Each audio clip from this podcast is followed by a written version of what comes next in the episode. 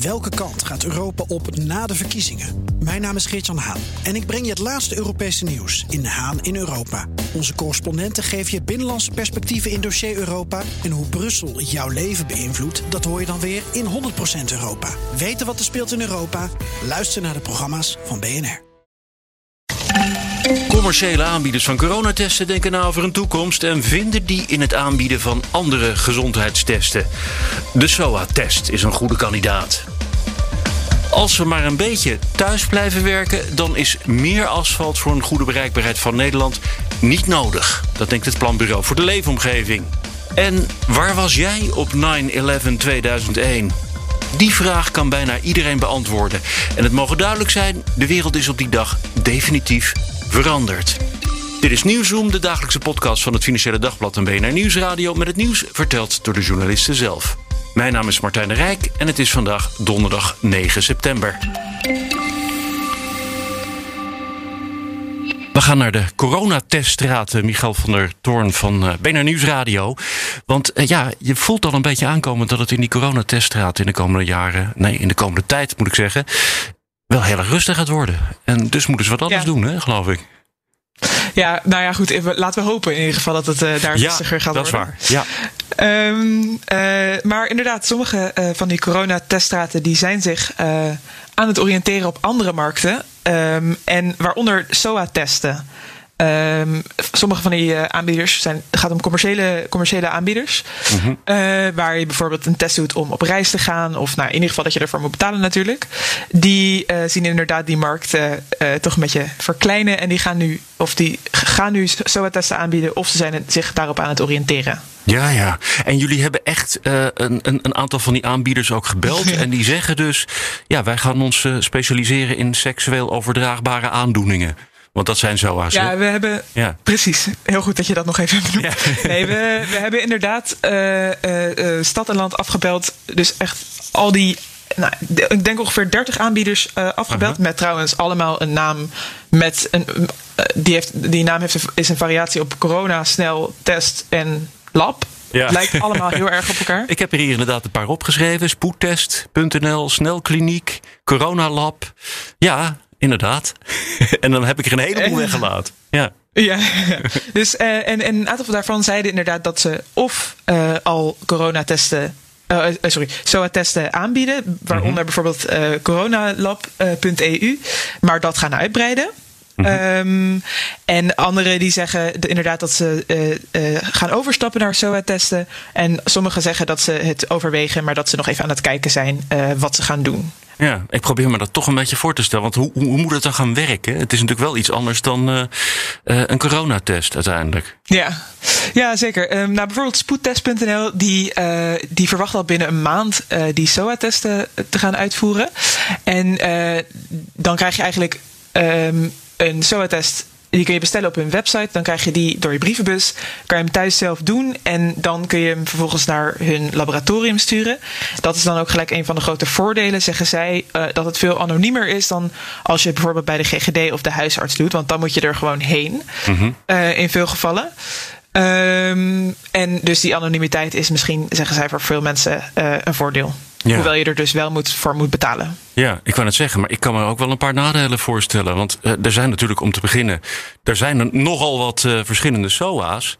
Hoe weten zij nou mm-hmm. welke SOA-tests uh, door de brievenbus moeten gaan? Ja, ja, goed. Dat kun je dus op hun website zelf bestellen. En uh, je kan er ook testen zonder klachten. Bij de GGD en huisarts moet je vaak klachten hebben om een SOA-test te kunnen doen. En bij ja, maar je moet al wel uh, weten waar je naar op zoek bent dan. Dus uh, is ja. het uh, chlamydia of gewoon weet ik veel? Ja. Ja, ik, ik, ik, weet dat eerlijk gezegd niet precies, maar ik ga ervan uit dat je misschien zelf een vermoeden hebt en zelf uh, uh, mm-hmm. al wat onderzoek hebt gedaan naar wat voor SOA je zou kunnen hebben. Ja. Um, daar komen we ook trouwens bij een van de, uh, uh, ja, de nadelen hiervan. In ieder geval volgens uh, SOA AIDS Nederland. Want die hebben we ook gesproken. En die zijn er toch niet helemaal voor. Um, omdat die nazorg ontbreekt. Mm-hmm. Vooral als je, nou, als je het hebt over uh, HIV of andere ernstige SOA's, dan wil je natuurlijk goede nazorg en begeleiding hebben van specialisten. En dat kan eigenlijk niet natuurlijk als je het gewoon alleen maar opstuurt naar een laboratorium en dan een sms'je krijgt met de uitslag. Ja. Jeetje, dat lijkt me in het geval van, van inderdaad van aids lijkt me dat nogal, nogal ingewikkeld. Kunnen ze daar ook op? Ja, daar kunnen ze ook op testen, hè, in principe. Ja. Ja, ik weet overigens niet of ze dat uh, ook echt gaan doen. Ik denk dat ze, het eerder, dat ze zich eerder gaan richten op uh, nou ja, meer, meer voorkomende, zoals als bijvoorbeeld chlamydia. Ja, precies, ja. ja. Oké. Maar ja, goed, dan heb je dus een test en, en een uitslag die via een beveiligde e-mail uh, tot je is gekomen. Mm -hmm. En dan moet je toch naar de dokter. Want ja, uh, ik ja. neem aan dat uh, die, die, die, die, die kuur die er achteraan komt, dat ze die dan niet ook nog leveren. Nee. nee, het gaat echt alleen om het testen. En inderdaad verwijzen ze ook gewoon dan door naar de huisarts. Maar. Um, um, en dat zeggen ook meerdere aanbieders. Het past wel in een soort trend waarin we steeds meer op onze gezondheid zijn gaan letten. En uh, daar is corona toch ook een beetje een, uh, ja, een, een drijfveer voor ge geweest. Of een katalysator. Ja, de katalysator, inderdaad. Uh, voor geweest. Um, testen vinden we nu super normaal natuurlijk. En veel van die aanbieders verwachten ook, bijvoorbeeld Coronalab en um, U Diagnostics, dat we steeds meer ook op andere dingen gaan testen, zoals SOA's, maar ook allergieën, vitamine testen.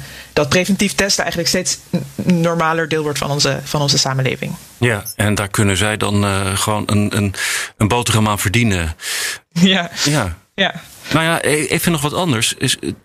We hadden het in het begin over de teststraten die dichtgaan. Ja, als ze dat allemaal via postorder doen, dan, dan kunnen de teststraten alsnog dicht. Hè? Hoe zit het dan? Uh, ik weet dat dus uh, spoedtest.nl het via de post gaat doen. Maar ik, uh, er zijn misschien ook aanbieders die het wel met zo'n teststraat gaan doen. Of waar je er wel inderdaad naartoe kunt.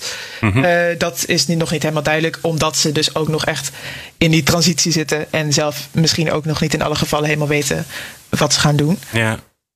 En we zouden, dus waar, ja. ja, we zouden eigenlijk bijna hopen dat ze die teststraten nog even open houden. Want ja, je zei het aan het begin al. Uh, corona lijkt op zijn retour, maar het, het, is, we zijn er nog echt niet. Dus uh, nee. hou die straten nog maar even open. Ja, er zijn, ja, dat lijkt me een goed idee. En er zijn ook veel van die coronateststraten die gewoon nog dit blijven doen. Um, sommigen zeiden trouwens ook dat um, ze niet gaan overstappen naar coronatesten. Omdat uh, die naar markt eigenlijk... bedoel je? Sorry. Ja. Uh, ja, sorry. Naar SOA-testen.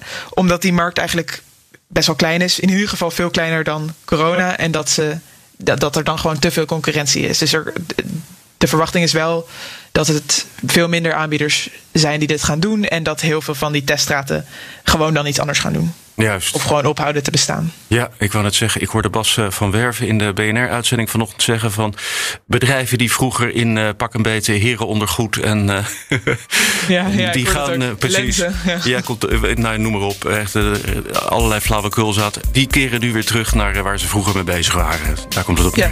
Als je een echte rasondernemer bent, dan. Vind je wel weer nieuws. Ja. Vind je wel weer wat nieuws. Goed zo. Nou, dankjewel, Michal van der Toorn van BNR Nieuwsradio. Yes. Oké. Okay. Graag gedaan. Reacties zijn natuurlijk altijd welkom. Je kunt reageren op nieuwsroom.bnr.nl of nieuwsroom.fd.nl. Ik kan me eerlijk gezegd helemaal niet meer herinneren dat ik voor het laatst in de file gestaan heb. Ik weet, hoe zit het met jou? Nou, uh, dat is wel even geleden. Uh, even zien, ik heb uh, ja, van het, uh, in, in de winter of uh, we hadden, we hadden in het voorjaar hadden we nog van die late sneeuw op een gegeven moment in maart of april. en toen heb ik een keer in de file gestaan omdat het, nou ja, het, het, weer tegen zat en ik moest om half yeah. tien in Rotterdam zijn. Maar voor de rest, ja, sinds, sinds het thuiswerken yeah. heb ik er niet meer meegemaakt. Of ik ga later op pad, of ik ben thuis aan de slag. En als ik wel in uh, de oude spitstijd op pad ben, is, er gewoon, uh, is het gewoon doorrijden. Ja, ja ik, ik, realiseer me opeens dat ik nog op de Haringvlietbrug heb vastgestaan. Maar ja, dat is ook alweer zo'n specifiek verhaal. Hè? Dat, is, uh, ja. dat, is, dat is minder rijstroken en smallere rijstroken. Ja, ja, ja en, en, en wat ons overkomt, dat is eigenlijk wel een beetje Nederland breed, hè? Ja, ja, nee, klopt. Je ziet het ook zeg maar, in de data die, die onder andere Rijkswaterstaat bijhoudt. Dat gewoon ja, sinds, sinds corona en het thuiswerk is het verkeer iets met 20% afgenomen. En dat leidt tot 70% minder files. dus ja, en, en zelfs de oorzaak van de files die er zijn, is nu in meerderheid ongelukken en incidenten. Terwijl dat voorheen altijd zeg maar verkeersdruk was, de, gewoon de drukte op de weg. Dat was de belangrijkste oorzaak van files. En nu is het uh, ongelukken en uh, auto die stilstaat of een uh, vrachtwagen met een lekke band. Dat soort dingen. Dat yeah. is nu het belangrijkste. Ja. ja, en dan kom je dus, Arend Klaassen van het Financiële Dagblad, tot thuiswerken maakt investeren in nieuw asfalt niet meer nodig. Dat is nogal een flinke stap hè, die het Planbureau voor de Leefomgeving daar, daar maakt. Ja, ja, ja, ze hebben er nu onderzoek naar gedaan op basis van uh, de data die, ik net noemde, onder andere, maar ook op peilingen en van uh, gesprekken en onderzoeksresultaten hebben ze nagekeken van hoe zich dat in de toekomst houdt. En als zeg maar een deel van het thuiswerken overeind blijft, neemt met name in de, in de spits, neemt zeg maar de piekdrukte af. En dat is de belangrijkste oorzaak van de files. Dus als je daar nou ja, uh, blijkt uit eerder onderzoek ook, als je daar iets van 8% van het verkeer af weet uh, te scheren, heb je een halvering van de files. Nou, en dat betekent bijvoorbeeld uh, bij, bij, een aantal grote plannen voor verbredingen of het aanpakken van knooppunten, dat je dat misschien niet of, of lichter of later pas moet uitvoeren. Dus ze zeggen in feite van ja, hou die plannen nog eens goed tegen het licht van of het wel nodig is. Ik kan me zo voorstellen dat ze bij Verkeer en Waterstaat het ministerie. Uh, ja, Cora van Nieuwenhuizen is net vertrokken, maar mm -hmm. het kon niet op. Uh, meer asfalt is zo'n beetje het antwoord op alles. Hoe reageren ze daar?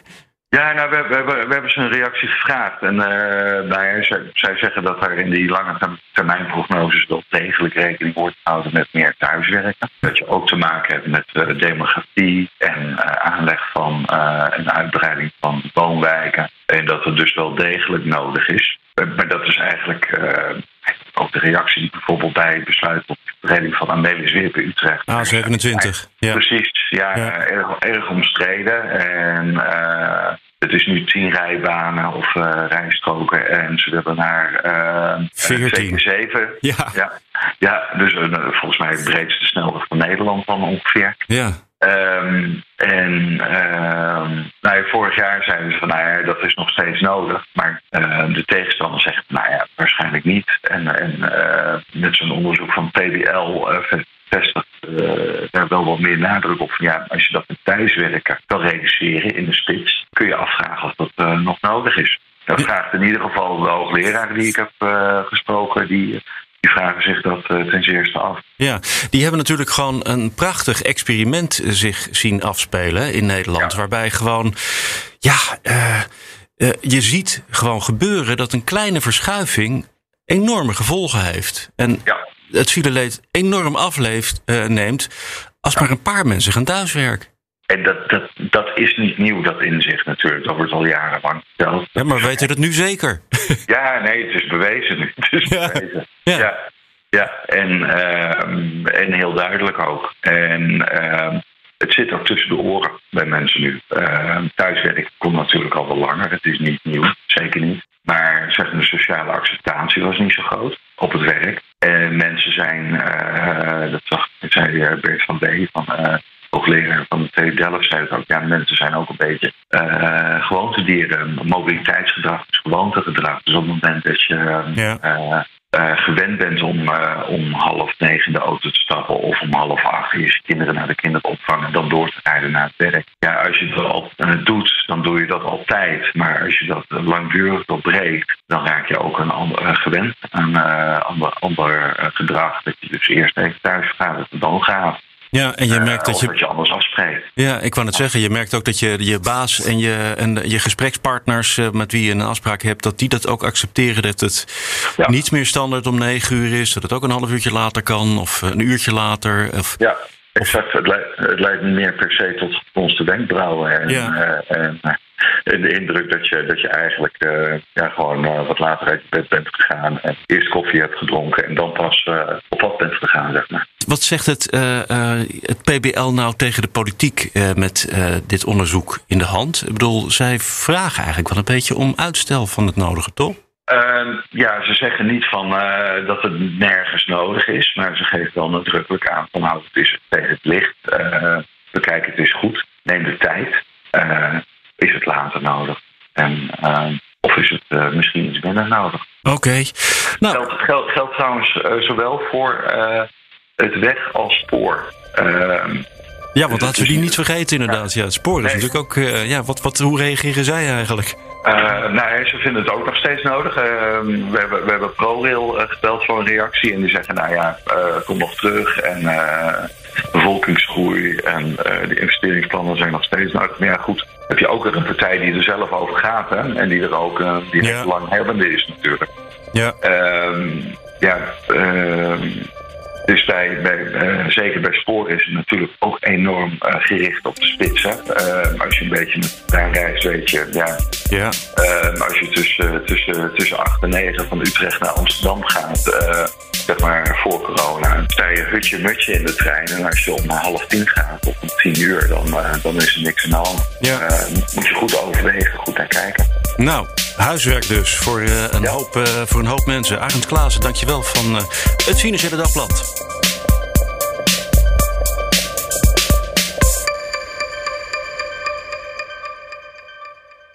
Sylvia die was in Amsterdam op de Nieuwe Gracht op haar kamer.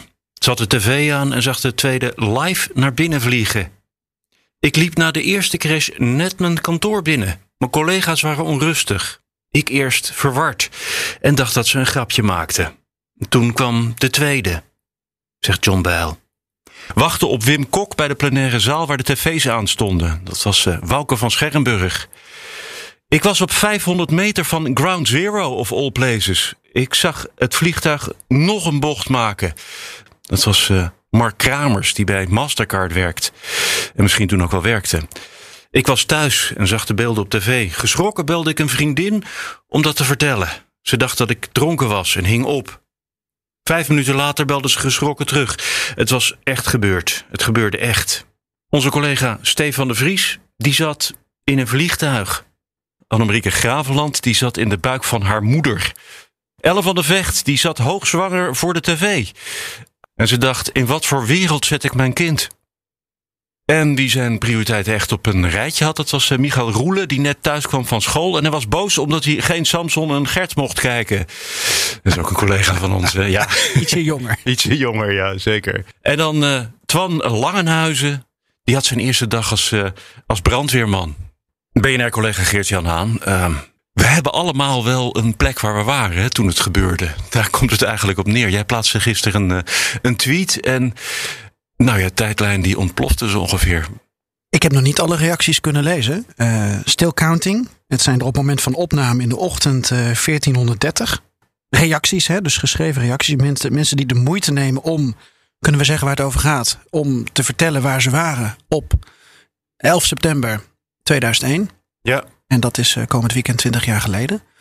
En het is ongelooflijk hoe dat moment dus in het geheugen van mensen staat uh, gegrift. Saskia Dekkers, Europa-verslaggever Nieuwsuur, die uh, schrijft... ik was op een Frans eiland met een Parijse journalist, slecht bereik. Plotseling stroomden onze telefoons vol met berichten... In het plaatselijke café konden we even kijken, maar toen vonden de mannen het wel genoeg en moest de tv weer op het sportkanaal. ja. ja, dat maak je dan als journalist ook mee. Ik eh, las ook een reactie van iemand die vertelde dat hij op een Canadees eiland zat, in zijn eentje. En toen kwam het vliegtuig dus niet om hem af te halen. Oh. Want de, het luchtverkeer lag natuurlijk volledig plat in heel Noord-Amerika. Ja. En hij heeft er nog, uh, nou ja, in mijn, in mijn voorstelling uh, nog heel lang gezeten. Maar dat, zover gaat het verhaal dan. Uh, Ongelooflijk, hè? Ja, ja, mensen in Europa op vakantie die dan ook aangeven binnen twee dagen was de beveiliging opgeschroefd bij een aantal plekken. En dat was eigenlijk voor het eerst dat we zoiets meemaakten. Kan je nou nagaan hoe dat nu dan is? Ja, nou ja, dat kan ik zelf ook onderstrepen. Ik, ja, waar was jij? nou, laat ik eerst vertellen dat ik heb gezien gebeuren dat uh, de wereld op slot ging omheen. Dat uh, het binnenlopen van een rechtbank uh, opeens, nou ja, het binnenstappen van een vliegtuig was. Hè, zoals het vroeger was. Dat je eerst door een, al je spullen moest afdoen, riem af, schoenen uit, door, de, door zo'n door zo'n scanapparaat, alle spullen er doorheen. De Tweede Kamer, die opeens, ja, normaal gesproken kon je daar gewoon naar binnen lopen. Dat was ook meteen op slag helemaal voorbij we waren iets kwijt. We waren een soort van naïviteit kwijt. En dan ga ik je nu vertellen waar ik was. Ik zat gewoon thuis iets eh, te klussen en uh, hoorde het op het nieuws dat ik werkte al bij BNR dat er een vliegtuigje op het WTC was gevallen. Vooral die woordkeuze op dat moment. Dat was de echte allereerste uh, moment. Uh, dat was, Vliegtuigje op het WTC. Gevallen, ja. Ja, ja heel vreemd. en dat was Reinhard van Wachtendonk, die onze correspondent is. Die ik overigens later ook nog in de States heb opgezocht. Die als heel erg snel als Amerika-correspondent reageerde. En wij dus ook heel erg snel echt een uitzending lopend hadden die dag. Maar ik ging gewoon nog eh, naar de HEMA om even een klusje te doen. Om even wat te halen voor mijn uh, project. En ik weet dat ik daar in de rij stond. Om me heen keek. En niemand wist nog van iets. En ik opeens uitsprak van mensen. Weten jullie wel wat er gebeurd is? Er is een vliegtuig het WTC ingevlogen. En de mensen keken me echt zo aan van... Ja joh, het zal wel. Ja. Waar was jij? Ik kwam net thuis van school. Middelbare school. Uh, gefietst en in mijn herinnering uh, staat de tv aan en zit mijn vader op de bank te kijken. Ik weet niet hoe laat ik precies uit school kwam. Dus ik weet niet of ik uh, dingen in herhaling heb gezien. Of dat ik uh, het tweede vliegtuig live erin zag vliegen. Wat me wel nog heel goed bijstaat is die avond. Ik vond het erg leuk om naar voetbal te kijken. En dat was Champions League. PSV tegen, als ik het me goed herinner, FC Nantes uit Frankrijk. en er was een enorme discussie gaande over: moet die wedstrijd wel gespeeld worden? Nou, dat, dat is altijd in de sport. Als er iets ellendigs gebeurt, moet je wel of niet uh, brood en spelen door laten gaan. Nou, dat gebeurde die avond wel. Daarna is alles uh, dichtgegooid. Er was veel kritiek op natuurlijk. Maar daar heb ik nog over zitten nadenken ook. Want de afgelopen twintig jaar is dat een discussie die eigenlijk telkens speelt. Ik woonde ten tijde van MA17 in Nijmegen. MA17, die aanslag was op een donderdag. En op vrijdag was de slotdag van de Vierdaagse. En die werd gewoon uitgelopen. En dat was wel versoberd.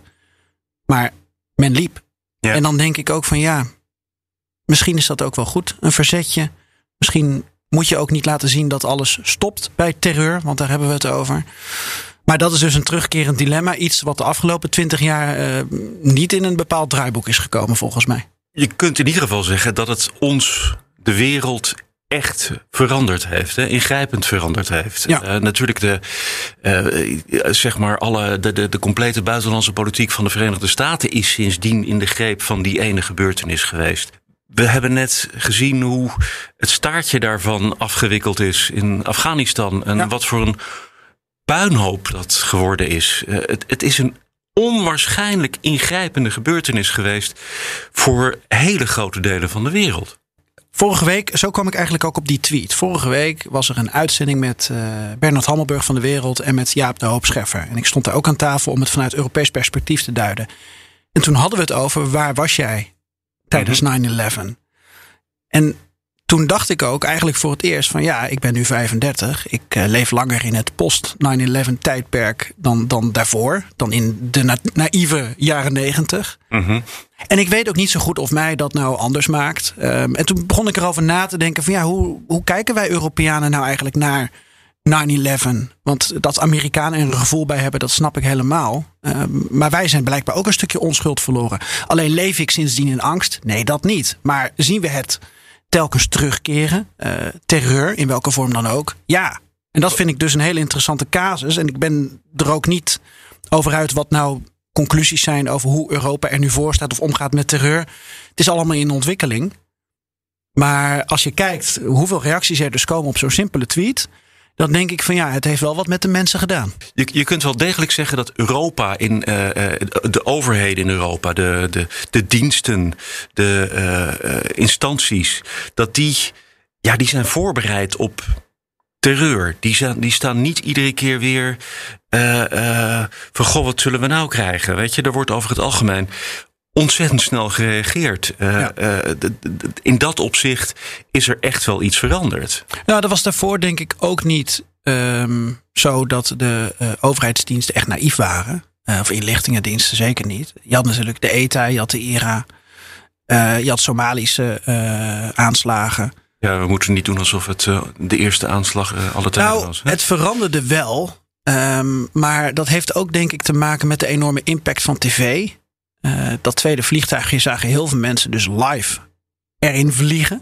Wat echt surrealistisch was natuurlijk. En als je dan nadenkt over al die aanslagen in Europa de afgelopen twintig jaar, dan zijn er maar weinig aanslagen die op die manier ook live door mensen beleefd werden. MH17 lag al op de grond. de, de, de, de vrachtwagenchauffeur in Nice, die meer dan 80 mensen doodrijdt. Er kwam geen tweede truck die we live zagen. En dat heeft natuurlijk met de hele proportionaliteit ook, heeft ertoe bijgedragen dat dat denk ik zo in ons geheugen gegrift staat. Maar dat die inlichtingendiensten, ja, ze zijn wel beter gaan samenwerken. Ze moesten ook wel natuurlijk. Ze, ze moeten uh, een nieuwe vorm van terreur. Eerst door Al-Qaeda en later in andere jihadistische vormen ook. En uh, daar moesten ze mee omgaan. En ja, uh, weet jij nog hoeveel doden er bijvoorbeeld vielen in Madrid bij die treinbommen? Oh, Heb je daar wel eens aan teruggedacht? Uh, ja, daar heb ik wel eens aan teruggedacht. Maar dat waren er wel uh, te honderden. Ja, bijna 200. 200, hè? Ja. Dus dat ja. is, als je ook uh, ja. MH17 onder terreur mag plaatsen, zijn dat eigenlijk op het Europese continent de afgelopen 20 jaar de grootste aanslagen geweest. De dodelijkste. Ja. Anders Breivik, is dat um, een standaard terreurdaad in ons geheugen? Ja, het is terreur, maar we associëren het niet met die hele reeks aanslagen sinds 9-11. Want geen um, jihadisme, uh, Al-Qaeda, uh, islamterrorisme, hoe je het ook wil noemen.